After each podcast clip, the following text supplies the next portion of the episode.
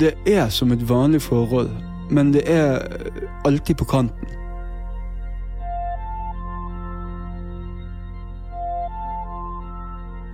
Alltid på kanten av uh, mistenksomhet, alltid på kanten av uh, Har du tatt stoffet mitt? Alltid på kanten der.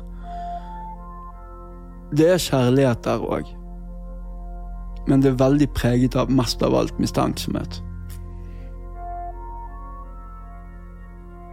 Litt varianter òg. Du har uh, horehallik-greien, hvor uh, damene er ute og selger seg, og mannen uh, tar pengene fra det.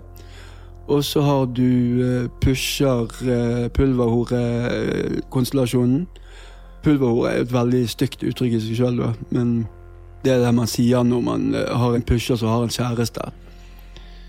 Og så har du de som blir sammen bare for du kan kalle det kjærlighetsforhold. De er vel det som ligner mest på et ekte forhold. For de deler alt. De deler gjerne alle smertene og stjeler ølet sammen og går sammen inn i fengselsbil og ja. Det er på en måte de tre hovedtypene. De første tre månedene da drev vi dette med stjele øl og den type ting. Men øh, hvis vi ikke hadde greid å ordne ølet, så måtte vi lure horekunder. Oppsettet var sånn. Jeg satt hjemme på hospitset mitt og ventet i fellesstuen. Hun kom hjem med en horekunde, gikk inn på rommet mitt, fikk pengene, sa hun måtte på do, og så gikk vi opp til hun og ventet på at morgenen skulle komme. Hver gang vi gjorde det, så tjente vi 1100 kroner. Det var det en uh, ung jente gikk for på den tiden. Og dette funket som bare faen helt til brannalarmen gikk. Og uh, hospitsbeboerne kom ut av hulene sine. Vaktmesteren kom, husverten kom, og ut av hulen min så kommer det en forvirret horekunde og lurte hvor damene kjøpte. Vaktmesteren vår han hadde en uh, viss empati for horekunder, kan du si. Så en uh, dag uh, når jeg kom hjem igjen, så sto altså bagene mine pakket.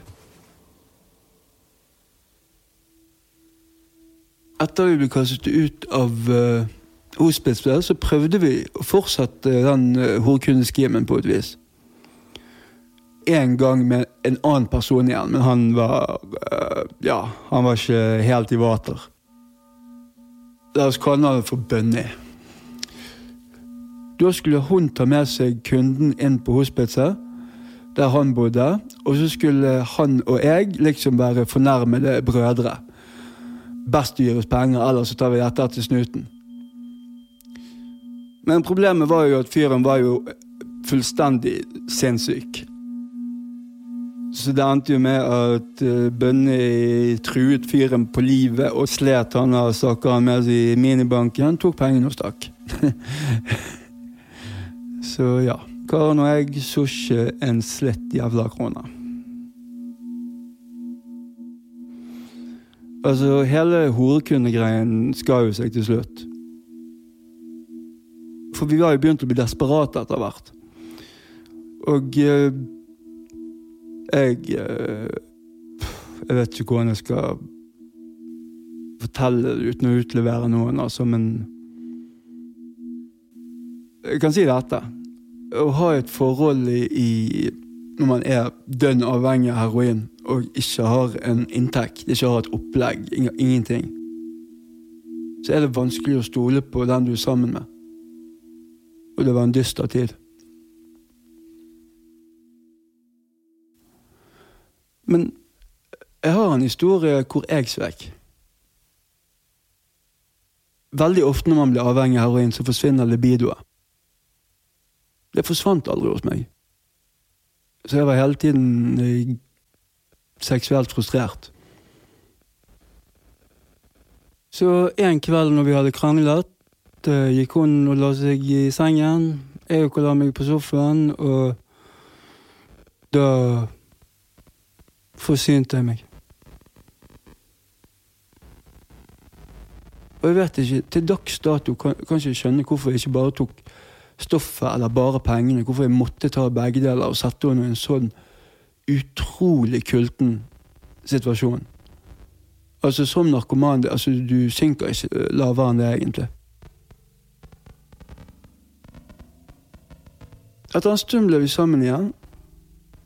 Etter jeg hadde bodd hos en annen dame og prøvde å finansiere stoffmisbrukkort med å stjele ting i postkasser. Noe som jeg hatet, for da stjal vi fra personer. Men det var penger i det. En gang hadde hun fått tak i et minibankkort hvor det eneste likheten var at de hadde langt, mørkt hår. Hun jeg bodde hos da, hadde, hun var ganske stor dame. Hun på bildet var en tynn dame. Og så frekk som flatlusen går hun inn i banken, legger eh, legitimasjonen der, sier hun vil ta ut 18 000 kroner. For det kan ikke hun ta ut i minibanken. Og så gjorde hun det. Fikk ut 18 000 kroner. Og så en uke seinere går hun tilbake igjen med det samme kortet og tar ut de refunderte pengene.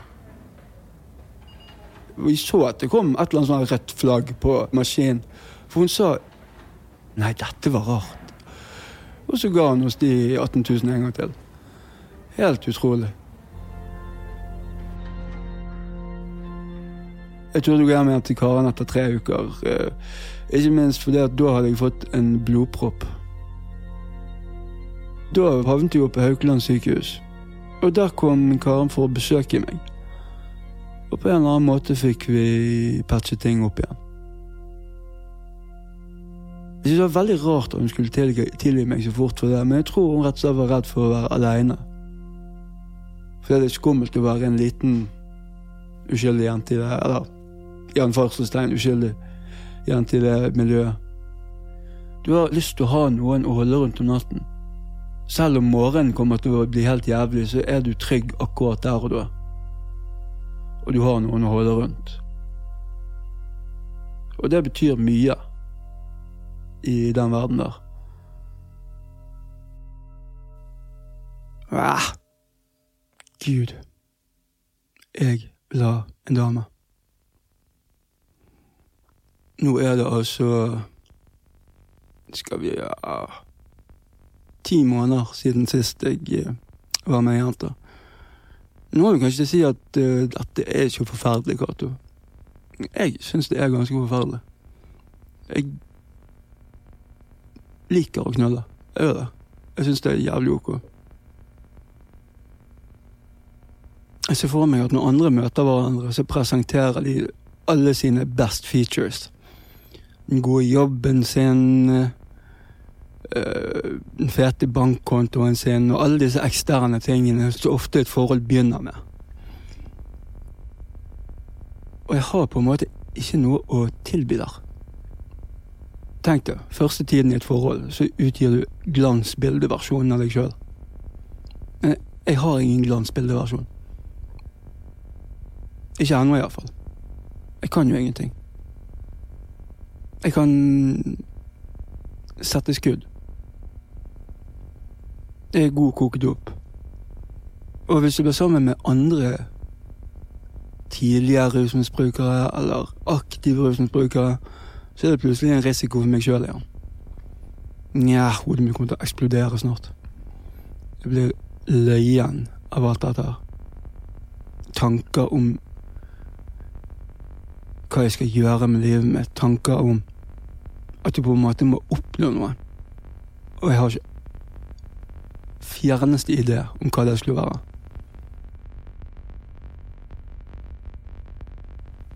Kanskje kan vi skaffe noen glansbilder.